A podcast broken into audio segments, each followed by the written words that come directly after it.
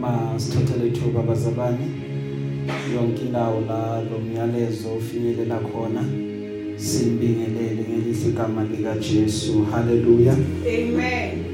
siyambonga ubaba uNkulunkulu ophinde wasivulela umnyango bazalwane haleluya Amen. ukuba sibe khona kule ndawo ngelihle igama lika Jesu amen Amen. praise be to the lord Amen. sibonga ukuphumelela kwenu bazalwane eh kuyisibusiso futhi kuyintokozo kithini haleluya Amen.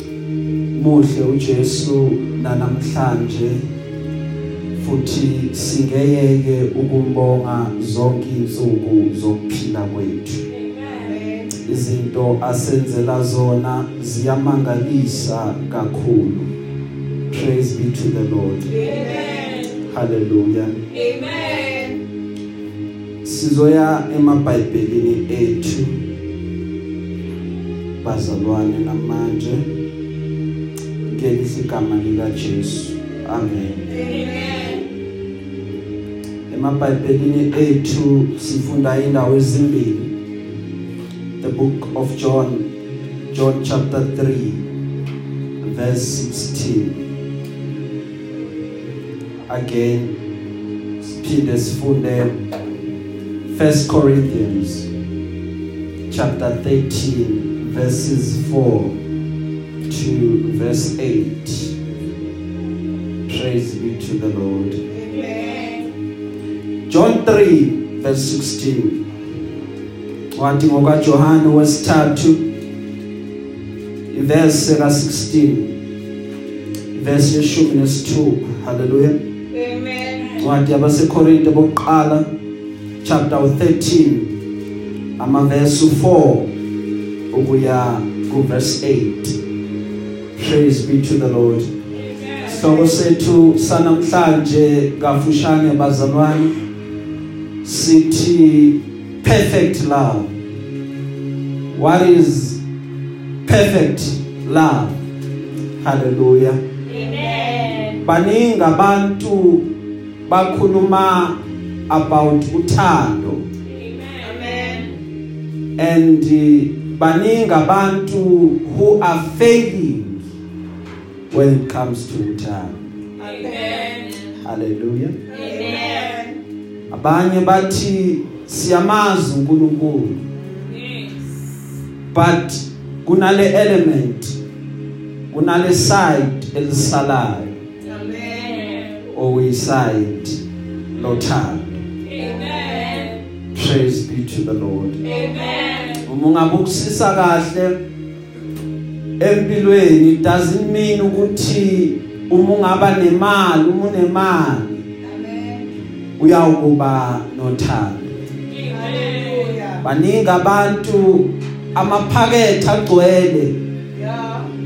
kodwa when it comes to uthando khona la kushoda khona Amen. khona la kungahlangani kahle khona Amen. praise be to the lord Hallelujah. khumbula sisafunda isikolo besiqala nje ukungena high school we asked one of the teachers ebekade sifundisa imathematics sathi kuye eh, say what is love Amen. wathuma esiphendula wasikhomba encwadini yabaseKorinte bokuqala chapter 13 wathi uthando lulapho Amen. now uthando ngokokwe dictionary lizokutshela i-dictionary ukuthi uthando lifaka ama emotions lifaka ama feelings eh iphinde itshela ukuthi futhi uthando liyaguquka Amen. ngokwe dictionary eh dictionary meaning hallelujah Amen. kodwa asizukuyibuka i-dictionary okwanamhlanje ukuthi i-dictionary yona ithi uthando kahle kahle luyini because ifocus yethu ayihlelanga uthando oluguqukayo Amen. praise be to the Lord but our focus ihlele uthando lwakaNkuluNkulu okuwuthando elithe iBhayibheli Hallelujah. luhlala lunjalo luhlala lumile kuze kube ingonaphakade Amen. haleluya Amen. eh kuyobe kungekho kuhle ukuthi sikhulume ngothando kanti sikhuluma ngothando oluguqukayo Amen. sikhuluma ngothando oluthi uma kukuhle lukhona but uma izinto seyiguqukile alisekho Amen. praise be to the lord Hallelujah. ngokweBhayibheli luyini uthando thando siyalubona noma silazi ngokuthi uJesu wabe ukuphila kwakhe Amen. phansi wavuma ukulahlekelwa ukuphila kwakhe ukuze abafowabo nodadewabo bazuze Amen. That's the complete definition of what love is love ubeka phansi phila kwakho Amen. ukuze kube khona ozozuza ngale sacrifice osuyenzile Amen. praise be to the lord Amen. uthi obhala kahle bathatha abantu engeke wakwazi ukuthi uba advise Yeah. Bathatha abantu ozothuma uba advisor baqede bangakuzwa Amen. haleluya Amen. oqala owesifazane osothandweni akayi kukuzwa loyo muntu uma uthi uthi uyam advise umbonisa ukuthi le moto ayigibele kahle kahle iyokhala katheleweni noma idumi kanje mayizohamba ngeke akuzwe Amen. Esikhundleni saloko uzothi nomona ngalento ayenzayo. Owesibili bathi umuntu wesilisa uphunyelwe yimali noma ubambi lotho. Angeke umadvise umuntu ophethe imali. Yeah. haleluya ukuze indlela kube kube kuhle kube mnandi ungakhuluma kayi wathi ngani vula ama investment bese uyathula. Makumele nidle imali nidle imali. Mara ungahlaleli ukum advise ngoba kuzokwenza kuzothola abanye abangani akushiye wena. Sale ke wena nama advise wakho. Haleluya Amen. owesithathu lo bathi ula eAfrica bathi owesifazane olandelela umprofeti wakhe. Abesifazane uma belandelela abaprofeti awuzukuba advise awuzukukhuluma lutho. Makathi umprofeti uthe uthe full stop Amen. haleluya Amen. zintathu izinto kusho iBhayibheli Yeah. ezinkulu zintathu izinto ezisalayo mase kwenzeke konke kuthathe okumanje faith hope nothando Amen. haleluya Amen. Ukholwa ithemba uthando Amen. qeda lithi iBhayibheli okukhulu kunako konke uthando Amen. praise the lord Amen. okukhulu kunako konke uthando Amen. asifundeni John chapter 3 verse 16 The Bible reads as follows. For this is how God loved the world. He gave his only his one and only son so that everyone who believes in him will not perish but have eternal life. So God loved the world by giving his only begotten son. Hallelujah. Amen. ngesizwe lifunde kangananzi indlela ngokuba uNkulunkulu walithanda izwe kangaka waze wanikela ngendodana yakhe ezelwe yodwa ukuba yilowo nalowo kholwa yiyo. Angabhubhi kodwa abe nokuphila okuphakade sizovala namehlo. Baba we thank you for your word. Khuluma ngalo usuthise umphefumulo wethu. Siyabonga ngalo simakade. Lord we thank you ukuthi your word linguwe uqobo liyaphila lingamandla. Makhazimula uJesu Kristu kule ndawo. Amen. Ngokuba uNkulunkulu walithanda izwe eselithandile wabese anikela ngendodana yakhe. What kind of love is this? It is the kind that is perfect because uthando akusulo uthando liphelele noma oluperfect unless kune sacrifice eyenziwe. Uthando aliphelele unless kunomnikelo esiye sawenza then we can say ukuthi siye sathanda. Hallelujah. Now that is why abantu uma sebathe ngiyathanda banikela ngesikhathi sabo banikela ngemali yabo umuntu abekhona anikele ngepresence yakhe. That is a sign yokuthi mina ngiyathanda la because if bekade ngingathandi ngaba ngikho kule ndawo ngaba ngitholakali kule ndawo.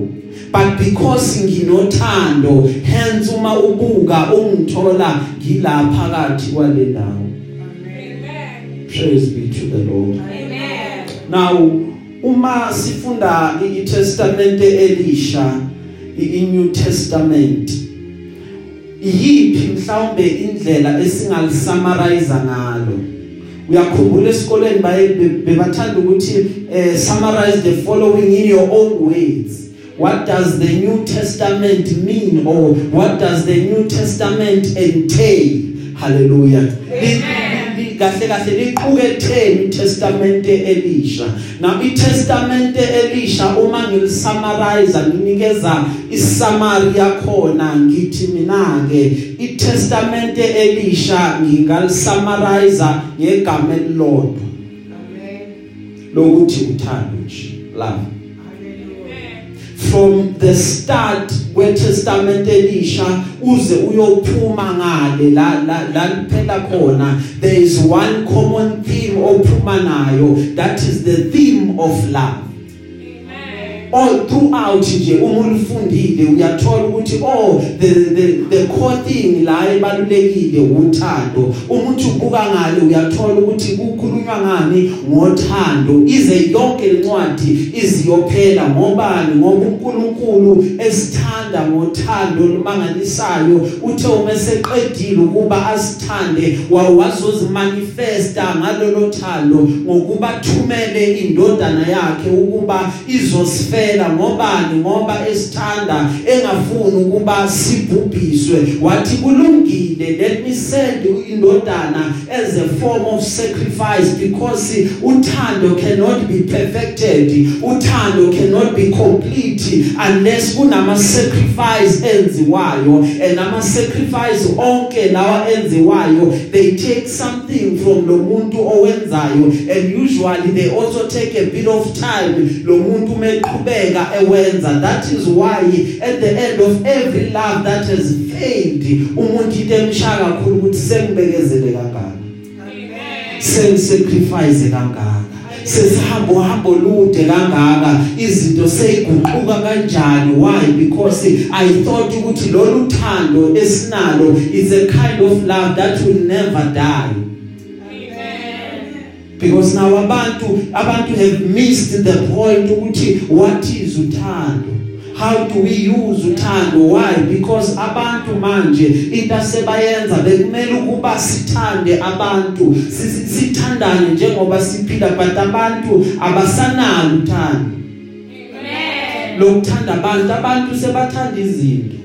Abantu nje bayabayuza. Kufa abantu bakuthatha njengestepisi bafuna nje ukuthi ngikhuphuke ngigibele ngiyele phezulu. Mase ngile phezulu i just discard you. You are of no use to me. Why? Because uthande bantwini selinciphile Amen. thande bantwini seliphelile the iBhayibheli ngokwanda kokubi kophola uthando kwabaningi. And thina uma siphila siphila kuleso sikhathi la uthando seluphole khona kwabaningi.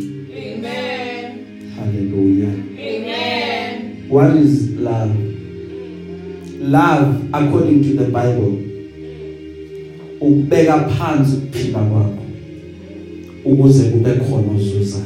Amen. so ukuthando luyini? Uthando is service.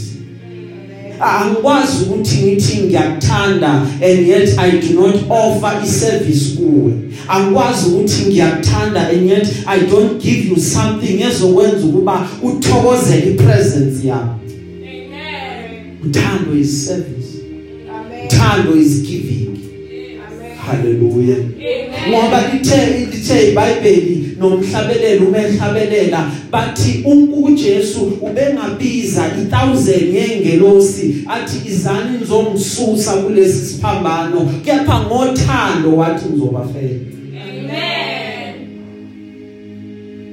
1 Corinthians 13 verses 4 to verse 8 the bible reads as follows. Love is patient and kind. Love is not jealous or boastful or proud or rude. It does not demand its own way. It is not irritable and it keeps no record of being wronged. It does not rejoice about injustice but rejoices whenever the truth wins out. Love never gives up never loses faith. It's always hopeful and endures through every circumstance.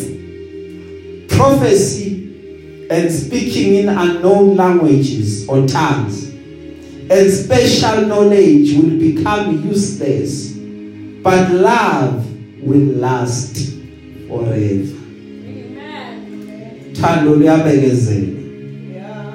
uthando lumnene Amen. alinamahawu uthanda luzigabisi thanda luyikhukhumezi Amen. aluyiphathi ngokungafanele Amen. thanda luyifunelo kwalo. Thanda lucunuki Amen. alinaqhubu. Alithokozi ngokungalungile. Kepha lithokozela iqiniso. Libekezelela izinto zonke. Lukholwa izinto zonke. Luthemba izinto zonke. Lukhuthazela izinto zonke. Thanda lisoze lwaphela. Kepha nakuba khona ukuprofeta kuyakhawuka nokuba kuyizilimi ziyakunqamuka nokuba kungukwazi kuyakhawuka haleluya. Amen. so ekhuleni kwami ah ngayibamba lento loyathisha bekade esitshela yona.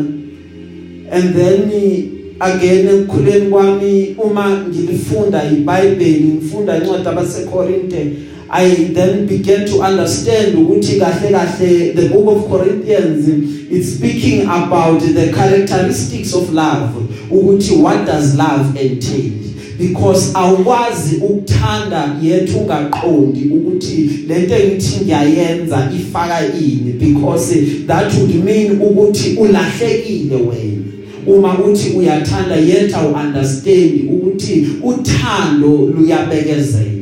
Ngoba wonke umuntu othi mina ngiyathanda kumele ukuba abekezele. Noma engaboni kahle ukuthi ngathi ukhanya kukho but uyabekezela ngoba enhlizweni yakhe unqumile wa decide ukuthi mina ngithe ngiyathanda. Uthando uma lifikile kumuntu luba gentle uthanda limazi. Njengomama ogcobisa ingane encane usana ivasilina uma inikisa enganeni kuthiwa uyaye athathe le vasilina aqale yena ayigcobise yena. Ezwe ukuthi hayi le vasilina ilungele ingane yami ngaya enganeni because uthando lumnene ngoba kusiyo into eyolimaza ingane. Uthando alinawo umhawu uthando alubi jealous uthando aluzigabisa. Ngeke ngithi ngiyakuthanda bese ngihamba hamba ngiyayigabisa kuwe. Ngithi awumbuke nje ngathi ngiphigogo ngihambele phezulu kodwa ngithe kuwe ngiyakuthanda chabo lokho that means it is not love. Amen.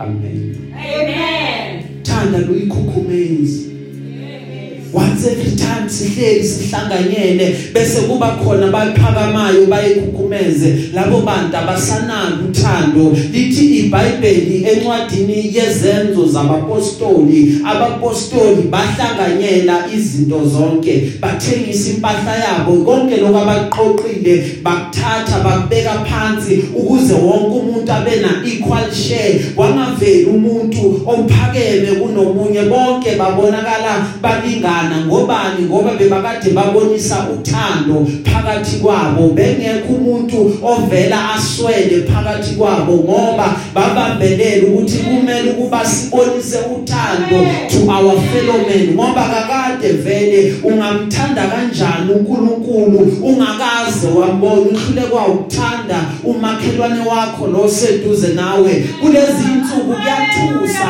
ukwazi ukuthola nokubona ukuthi even abazalwane bathi loya angimphiwe lo igazi lami lihambisana naye. Kodwa uthi uyakholwa kodwa uthi uyamthanda uNkulunkulu. Njani? Ngoba fanele ukuba umthande lo muntu.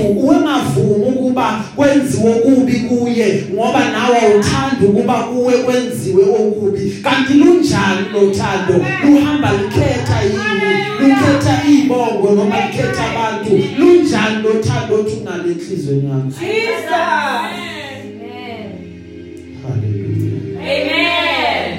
ungadlaleli neqembu leli yangabantu ukuthi sibuke imaterial ukuthi lo muntu unani bese thina sifuna ukuyisondeza kuye. Ngoba unanazi izinto chabo umuntu uyamthanda noma engenalutho uphinde umhloniphe futhi noma engenalutho. Kunezinto esikwazi ukuba sifunde ebantwini irregardless of status irregardless of class okubalekile how was your approach in the initial conversation? Hallelujah. Uthando Yeah. a- aluyiphathi ngendlela engafanele Amen. once kwaqala lwayiphatha ngokuzwisa abantu kuhlungu Yeah. akusasili uthando Amen. ngoba uthando liyanakekela Hallelujah. uthando lu mindful Yeah. ukuthi uma liza lethwa kumuntu lize kanjani because njengebandla kumele ukuba sponsor abantu ini uthando Amen. And uthanda kusukushumayela ngamavesi amakhulu ezambuka kusithando ngoba Amen. lokho nje kusho ukuthi uyakwazi ukubeka indaba yakho kahle izwakale akusuthanda uthando lusezenzweni wenzani Yeah. baphatha njani abantu Hallelujah. ungabakhuba abantu ngapha mali uyakhona Amen. haleluya Amen. amen Glory. futhi ungabi nendelelo when it comes to abantu badelele because when unikezwe iplatform bahlonipha abantu praise the lord so that uma noma abantu bekubuka bathi unothando loya muntu umuntu eng- engithi ngasondela kuye ngobani ngibona uthando kuye Amen. praise the lord Hallelujah. Lithi iBhayibheli aluyifunelo kwami Amen. thando alucunuki Yeah. thanda limana manje nje kudineke Amen. praise the lord Amen. thanda liqine maqhubu manje thina uma sikhuluma siyayisithi benginalomunye umngani wami athi uyambona lo sengimbeka ibhampara akaphinde nje uzambona haleluya Amen. uthanda libekisa abantu amabhampara Hallelujah. haleluya Amen. ngilithanda ngesilungu iBhayibheli lithi uthando Yeah. it keeps no record of being wronged Yes. ungonile izolo ngiyavuma. But angigcinanga irecord ukuthi kusasa waphinde wathi ngizokukhumbuza Yeah. Amen. haleluya Amen. singawagcina ama record bazalwane Yeah. because nathi ayohamba hamba silimazi Jesus. haleluya Amen. thiwa kunabantu ababili Yeah. bebakade bahamba omncane nomdala Yeah. Mabehamba lomncane enzokuhle enzele lomdala lomdala wathatha itshe wabhala ukuthi ngalolu suku umancanyana ungenzele naku nanaku nanaku waqeda wabeka lapha ejeni baqhubeka endleleni bahamba. Uma beqhubeka behamba.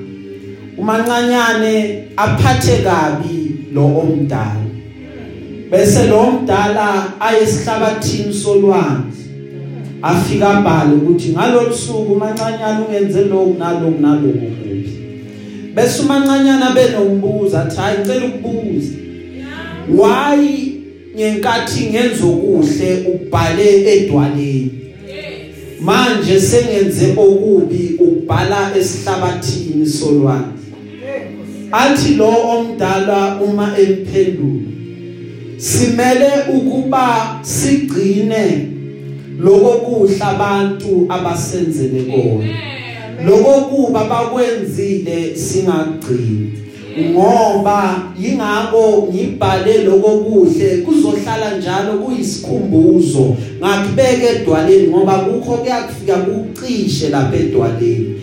Lokho kubo ngenze kona ngakubhala esihlabathini solwandle ngoba amagagasi azakuza afike awashe lesihlabathi uma sewasiwashile bese kuyasuka okusho ukuthi konke lokho kuba ngigcinanga enhlizweni yami. Amen. Thanda ligcina ama record Hallelujah. uma umzalwane ogcina ama record wento eziba uyihlole. Ulungisa indaba yakho noJesu. uJesu umcela ukuthi Nkosi siza mina. Jesus. ngingawagcina ama record because ugcina kwakhe ama record kuyalimaza Amen. thanda lithokozela izinto ezingalungile Yeah. thanda lithokozela iqiniso.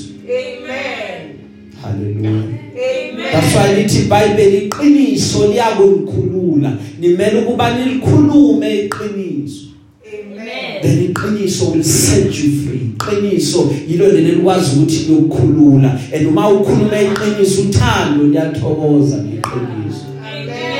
Amen. thando libekezela izimo zonke noma ngayizimo zinjani uma ufikile la ekhaya wathi ngiyathanda la ekhaya noma namhlanje sidla ikhabishi kusasa sidla ispinach uyabekezela izimo uthi lesi simo sizodlula angizelanga ukuzodla inyama kuphela but ngize la ukuzokwakha ngoba enhlizweni yami nginothanda anginakanga inhlobo yeplate eza before me but into ehleli kimi yilento engaphakathi ukuthando noma isimo si unfavorable for mina ngizosibekezela ngizohlala kogcina kulungile Amen. Uthando luyakholwa uthando lithi iBhayibheli lukholwa izinto zonke uthanda lihambi libuza imibuzo but uthando believes ukuthi la ngikhona ngiyophatheka kahle la ngikhona indawo efanele ukuba ngihlale ngizinze kuyo ngobani because ngiyakholwa i believe Amen. thando luyathemba Amen.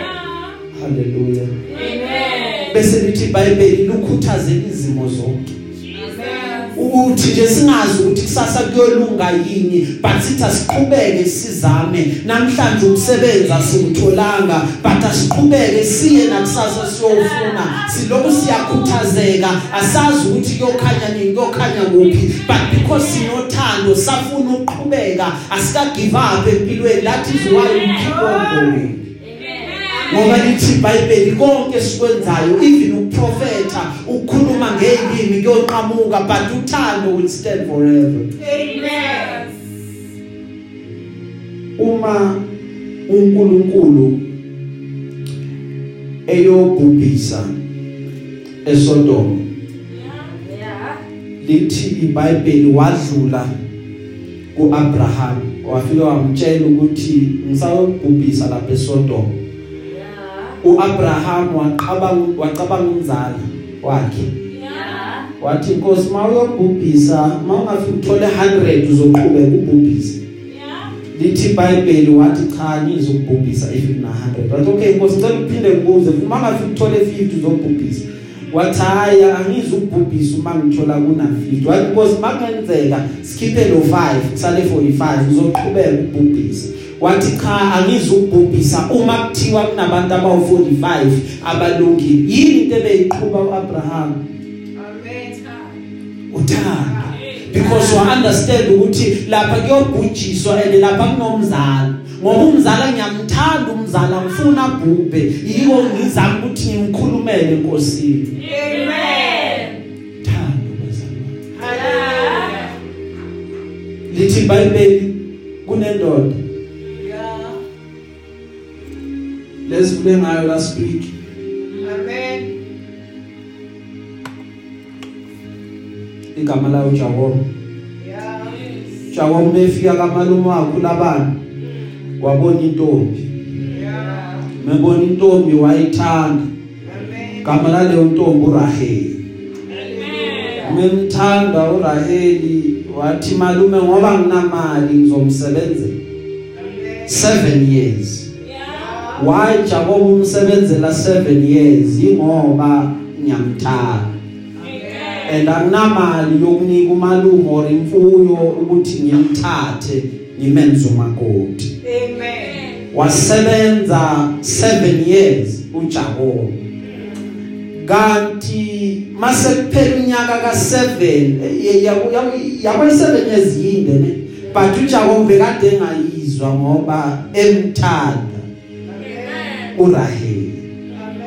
Lithi ke iBhayibheli makuphela u7 years umakoti beka bekavalwa uma kuyoshadwa. Nawo bamvala uRaheli eh ebusuku bamnikeza nangu mankoti bamvala uLeya uLeya. Eh bamnikeza bathi nangu mankoti wakho kuhle. Ekseni makathi uvula iveli hayi umalume ngathi umsebenze kanjani? Umalume wamphambanisela. Malume wamnika lo wangamcelanga Oh. wamnika umalume lo bekade angamfuni waya kumalume aviva. Eh ankele manje manje ah man ankele uyangikhawatha Amen. so so so ngisebenza kanjani manje? Mina ngicele lo wena unginika lo. Sikhipha. Wathi umalume cha mshana. La la ekhaya ayisebenzi kanjani? Amen. awukwazi ukushada omncane omdala ngakashaya Oh, wow. awuqeda iviki nalo mhlawumbe uthando lizavuka bese lo omfunayo omncane uphinde umsebenzele enye 7 years.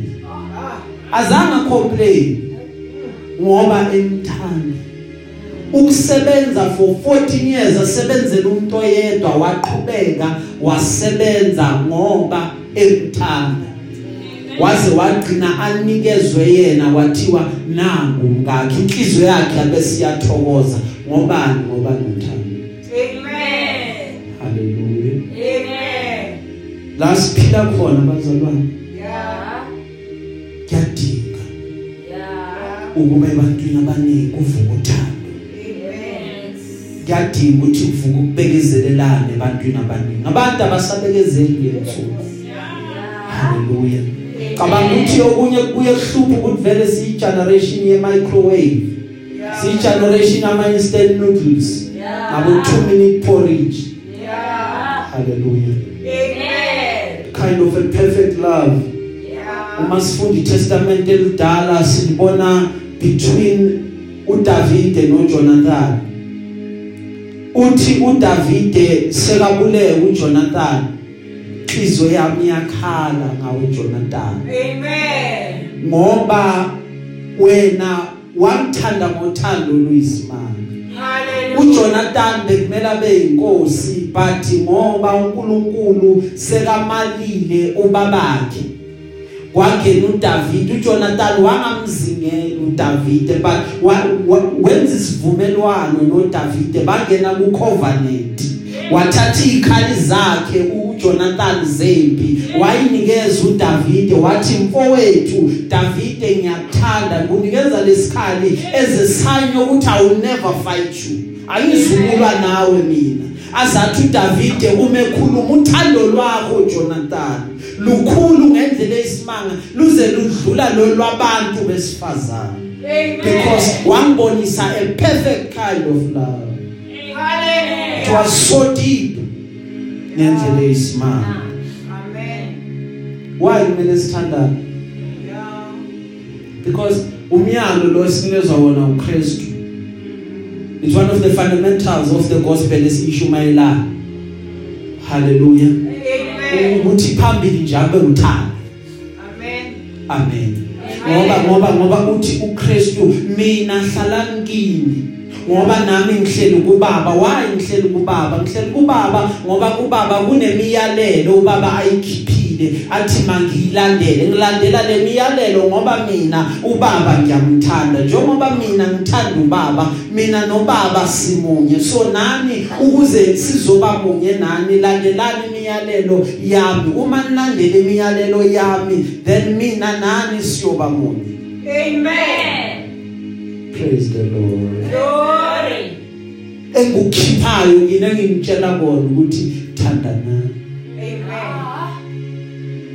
Uma ulibonile ihlazo lomzalwane wakho ungahlekisi ngalo ungagigi ngalo but show love. Kunabantu abayosuka the day kuvela noma kwambulwa ukuthi lo muntu lona uhambaze kangakanani but khona bayosondela sekusuke wonke umuntu bathi ngime nawe. Uyibuza ukuthi kuthathwe konke kwahamba konke ingani lo muntu eqhubeke amanami ingoba enothando?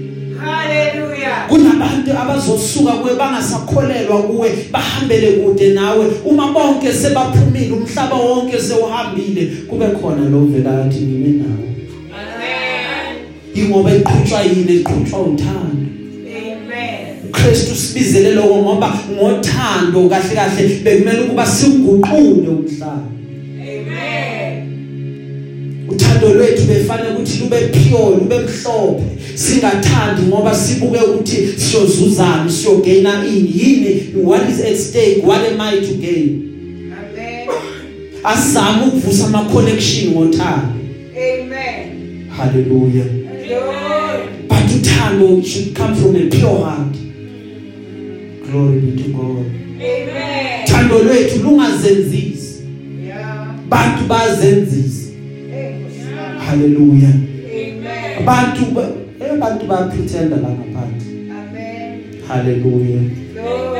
But kungcono laba bangapretendanga kungcono umuntu umbona vele lo hayi akangifuni ungcono ke lo. Hallelujah. Khumula ngeke omunye umncwabo manje lo lo ekade simncwaba lapha kade kuumuntu omkhulu yabo eh, kule nkonza khonza kuyo maye bathi cela ingceku zonke zenza igard of honor eh sebayamkhipha. Lapha before bayomgibeza kule moto yakhe lemhambisa emangcwabeni. hayi nami ngime nezinye inceku lapha. Manje mangimanazo zonke ifaka amakhololo yini nje? Haleluya bazalwane cha kubishop ebekade eshumayela abaqhawule bonke ayi nami ngiyilungise vele ukuthi ngilungisa isandla or ayinalendlela yokuchawula ngokuhlonipha le. Yabo ma- mangisiletha ngisilethi mhlamba fanele ngiqale ngisilungise ukuthi ngiqhawule ngokuhlonipha. Amen. yimi la khona umfundisi ngapha khololo omunye ngapha kwami ufaka khololo ababulise bonke afike kulo ngithi hayi sekuyi10 yami nami sengiyalo andlula usalonga Hallelujah. hayi ke ngoba nami vela ngisiumuntu abona kakho ngabe ngayibukela le ngathi hayi kose yothela umusa Amen. haleluya Amen. sengisho ukuthi noma ungakhonzi naye umthanda Amen. because uma sele enkosini akuyi ngokuthi sasikhonza sonke Amen. Then siyongena ngokwamabandla Amen. athi uma mahlawumbe eshumayela igama lebandla inumber plate efuneka lePitori Amen. but ezulwini akungenwa ngegama lebandla Hallelujah. ngenwa ngokuthi umntwana kaNkulunkulu Amen. uma emazi uNkulunkulu Hallelujah. amvumile uJesu njengenkosi nomsindisi.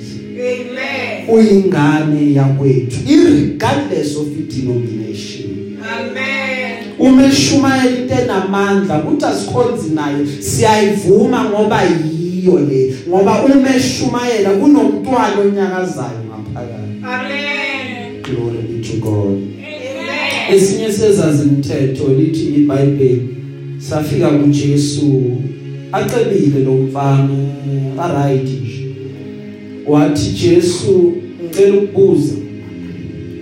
Uma ngenze konke okuhle kufanelekile yini into engangivimba ukuba ngingangeni ezulwini? Wathi uJesu ay ukubuthande umakhelwane wakho njengoba uyithanda wena. Amen. wathi okay. If ngimthanda umakhe ungubani kanti umakhelwane Oh, uJesu wathi kuye nawu umfanekiso. Unendoda yasuka eJerusalem. Yeah. yehla lendoda ilibangise eJericho Yeah. uma iya eJericho waqhamuka igebewu zayishaya. Zayishiya icabanga ukuthi ifile uma sezishiyile lithi iBhayibheli waqhamuka umpriest umpriest wayeavoida wayigwemela uma umpriest ehamba ngaka left abona le ndoda ilele lapha wajump istrad umpriest wayohamba ka right wabheka le wathi angibonanga bengekho angilofakazi Hallelujah. kwaqhamuka umlevi nomlevi wenza the very same thing Oh, Nkosi. laba bantu basebenza ethempelini Out. laba bantu bayashumayela Oh, my wathi God. Ngiyaphuthuma lapha ethempelini fanele ngiyoshisa impepha eh, ibandla. Sengilate. Lo uzodinga ngiloku ngikhuluma ngifakaza yimi engibonile? Ah Hallelujah. bese lithi iBhayibheli kwaqhamuka umSamariya olungileyo Yeah. uma eqhamuka umSamariya olungileyo lithi iBhayibheli weza kule ndoda wathi awu nangu umuntu ulimele. Wafike wamisa isilwane sakhe wakhipha amafutha wakhipha uoyela neviniki newayini. Wambandisha wamthela la esilondeni sakhe ukuthi azame ukuba asibuyise. Uma sekabona ukuthi ngathi sekulungile wamthatha. Lithi iBhayibheli wamnikisa endlini ehotela uma efike ehotela wathi ngicela kuba nimnakekele ngisasohambeni ngiyabuya anything that is outstanding ngizobuya ngizoyikhokha Amen. praise the lord Glory. hallelujah Amen. wathi ngizobuya Yes.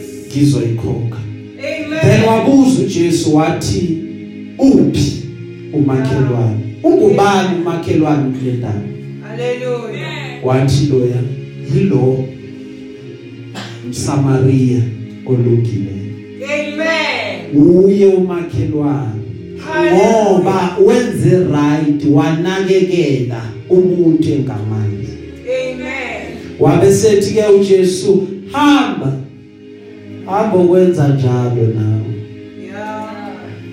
because you have to show care Yeah. to abantu Show uthando Yeah.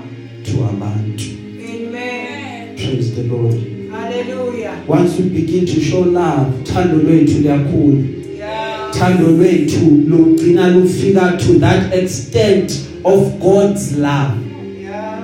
angithi God's love is called agape love uthando that never ends never runs out regardless of ukuthi wenzeni uNkulunkulu ebuNkulunkulwini bakhe lithi iBhayibheli uyayinisa imvula kwabagodli naba ungodli Amen. uNkulunkulu akayi ngokuthi lo uthandazile so ngiyomnisela imvula noma ngiyomshisisela ilanga ngobe kade ethandaza. Cha bo umthanda irregardless because God always believes ukuthi umuntu noma sekangathi uwela eweni but usengenako ukuthi aphenduke. That is why lithi iBhayibheli ngokuphenduka kwesona esodwa izulu liyahlokoma ngoba uNkulunkulu continues to shower abantu ngothando lwakhe. Athi loya uyadeserve uthando inkosi bekade kulala abantu bathi no uyadeserve uthando give him love mina i will deal naye because ngasikhathi thina abazalwane siyaba right abantu off kanti uJehova akaqedi ngabo Amen. haleluya Amen. yabuza uPaul uthi yini okuyakusihlukanisa nothando lwakhe kukhona yini okunamandla ukuthi usahlukanise nothando likaNkulunkulu Amen. Uqedwe uyayibala lezi zinto. Athi ukuhlaselwa ukuzingelwa indlala ukuswela konke. Hallelujah. maqeda athi ngiqinisekile ukuthi akukho nokukodwa. Kokukhona okuzayo okuphezulu okungaphansi emathunjini omhlaba okuyakuba namandla ukuthi kusahlukanise nothando lukaNkulunkulu. Amen. Because why? His love is perfect. We are called bazalwane sesigcina we are called to display sibonise a perfect kind of love. Omunye angathi angikwazi ukuthanda uthanda kanjani? Hallelujah. cela inkosi ikubonise how to love. Amen. cela inkosi ikufundise. Ngithanda futhi nginakekela kanjani. Praise the lord. Hallelujah. because kumele ukuba sithande uthando is a fundamental fact of truth of leli vangeli sikushumayelayo uma lingena thando. Hallelujah. akusili ivangeli Amen. uma ligcwele ukwahlulela Yeah. akusili Amen. ivangeli Lord. the corners of our message is love Amen. ngifuna ukukushiyana nanku umbuzo sengcini Amen. ingabe unalo yini uthando enhlizweni yakho ingabe uthando unalo enhlizweni yakho ngasamphenduli mina uziphendula wena Amen. mawubona ukuthi ngathi kuyashoda hambe enkosini yokhuleka Yeah. God will aid Amen. khumbula perfect kind of love ukubeka phansi kwakho ukuphila Yeah. kuze kube khona usizayo Amen. ngithi abazali benza njalo Amen. bayincisha izinto Yeah. ukuze kube khona abantwana abazozuza Amen. sikhukhukazi senzana sifukamela amachwane abelanga phansi afika iwombe noma kuza ini izogadla sona thatha labantwana bafake ngaphansi kwamaphiko Amen. ithi ngaphansi kwawami amaphiko you are protected Amen. ngaphansi kwawami amaphiko no Yeah. harm shall befall you Amen. that's why lithi iBhayibheli owakhile kusithekeni kwakaJehova Yeah. uyakuvikeleka kubona konke Amen. Glory be to God. Amen. Ilazivalena mehlo. I want to say a short prayer. Bese siyahlukana bazalwa. Amen. Amen. Hallelujah. Amen.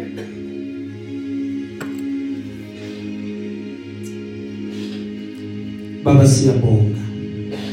Izwi lakho linguwe liyaphila. Linamandla lingamadoda siqondise endleleni. Izwi lakho liphulumise dali laseLibanon uNkulunkulu wami izwi lakho lisibane endleleni.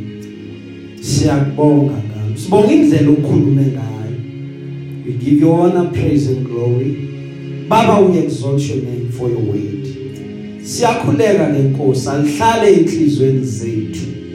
Liqhubeke njalo iviki kusaqala lenza umsebenzi. Lize liphele iviki inkosi phinde sithole linye izwi lakho yegama lika Jesu waseNazaretha siyabonga simakade sibusiseke Nkosi ngamunye ngamunye. Busisa wonke umuntu okule ndawo babubusise bonke abasilalelayo online abasibukelayo Nkosi. Sikhuluma isibusiso phezukwabo ngegama lika Jesu waseNazaretha across the globe Father God Almighty izwi lakho linguwe linamandla uNkulunkulu wami. Awulithumi iqeda baba lingawenza umsebenzi. Siyakubonga right now seliphumile liyokwenza umsebenzi. It will never return to you void. Ngegama lika Jesu waseNazaretha baba siyakhuleka. We pray for peace. uNkulunkulu wami ezweni lethu. Lord we pray for abaholi bethu uNkulunkulu wabonke abaseyihlalweni abaphethe from the office of the president uNkulunkulu wami ukuze kuyophuma phansi to the offices wamakhansela ngegama lika Jesu waseNazaretha. Baba sikhulekela ukuthula uNkulunkulu wami ezweni lethu. Kuyiphatha imandla zonke baba we pray for your peace. Ngegama lika Jesu waseNazaretha even in our community uNkulunkulu wami there's been a spike of crime. Ngegama lika Jesu waseNazaretha baba siyakhuleka. Shield abantwana bakho bafihle ubavikele kubona konke okubi. Ngegama lika Jesu waseNazaretha wenze Nkosi ukuthi zonke igilamkhuba zibanjwe ngegama lika Jesu waseNazaretha. Lord we speak your peace in our streets. Lord we speak your peace in our communities. Ngegama lika Jesu waseNazaretha nasemakhayeni ethu simakade sikhuluma ukuthula okuvela kuwe.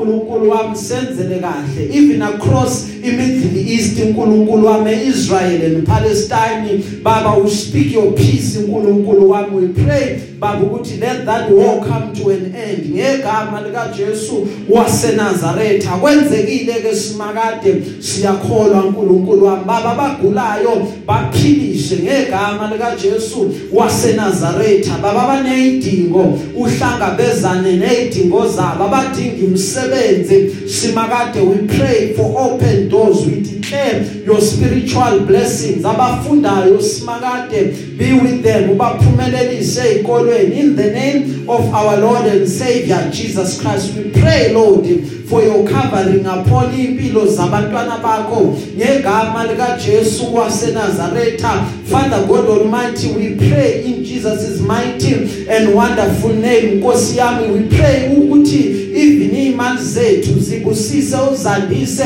ngegama lika Jesu waseNazaretha. Sibe able to cater for all our needs. uNkulunkulu wami siphinde sisalelwe okuthile ngegama lika Jesu waseNazaretha. Baba siyabonga. Sikunikeza lonke udumo. Yiba nathi ke Nkosi usiphe ukuthula usiphe ukuhlakanipha. Ngayo Jesu Kristu lo inkosi yethu. Siyabonga baba. Busisa konke Nkosi siyakwenza konke Nkosi izandla zethu eziyakuthinta we speak a blessing uNkulunkulu wami. We speak even abundance in what we have. Ngegama lenkosi yethu Jesu waseNazaretha we pray for ibandla lakho. uNkulunkulu wami sikhulekela uthando lwakaKristu. Father God Almighty ukuthi luhlale lubusa einhlizweni zethu. Father God Almighty nakulabo benkosi asebakhohliwe their first love.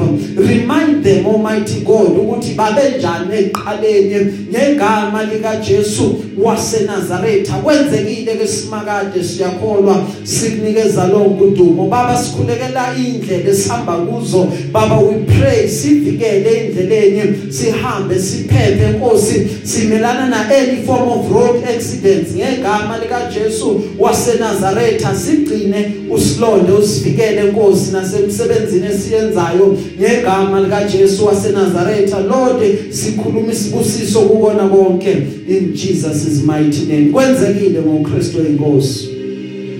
Mana njalo uNkulunkulu wethu. Siyabonga ke namanje. In Jesus' name. Lord we pray. Amen.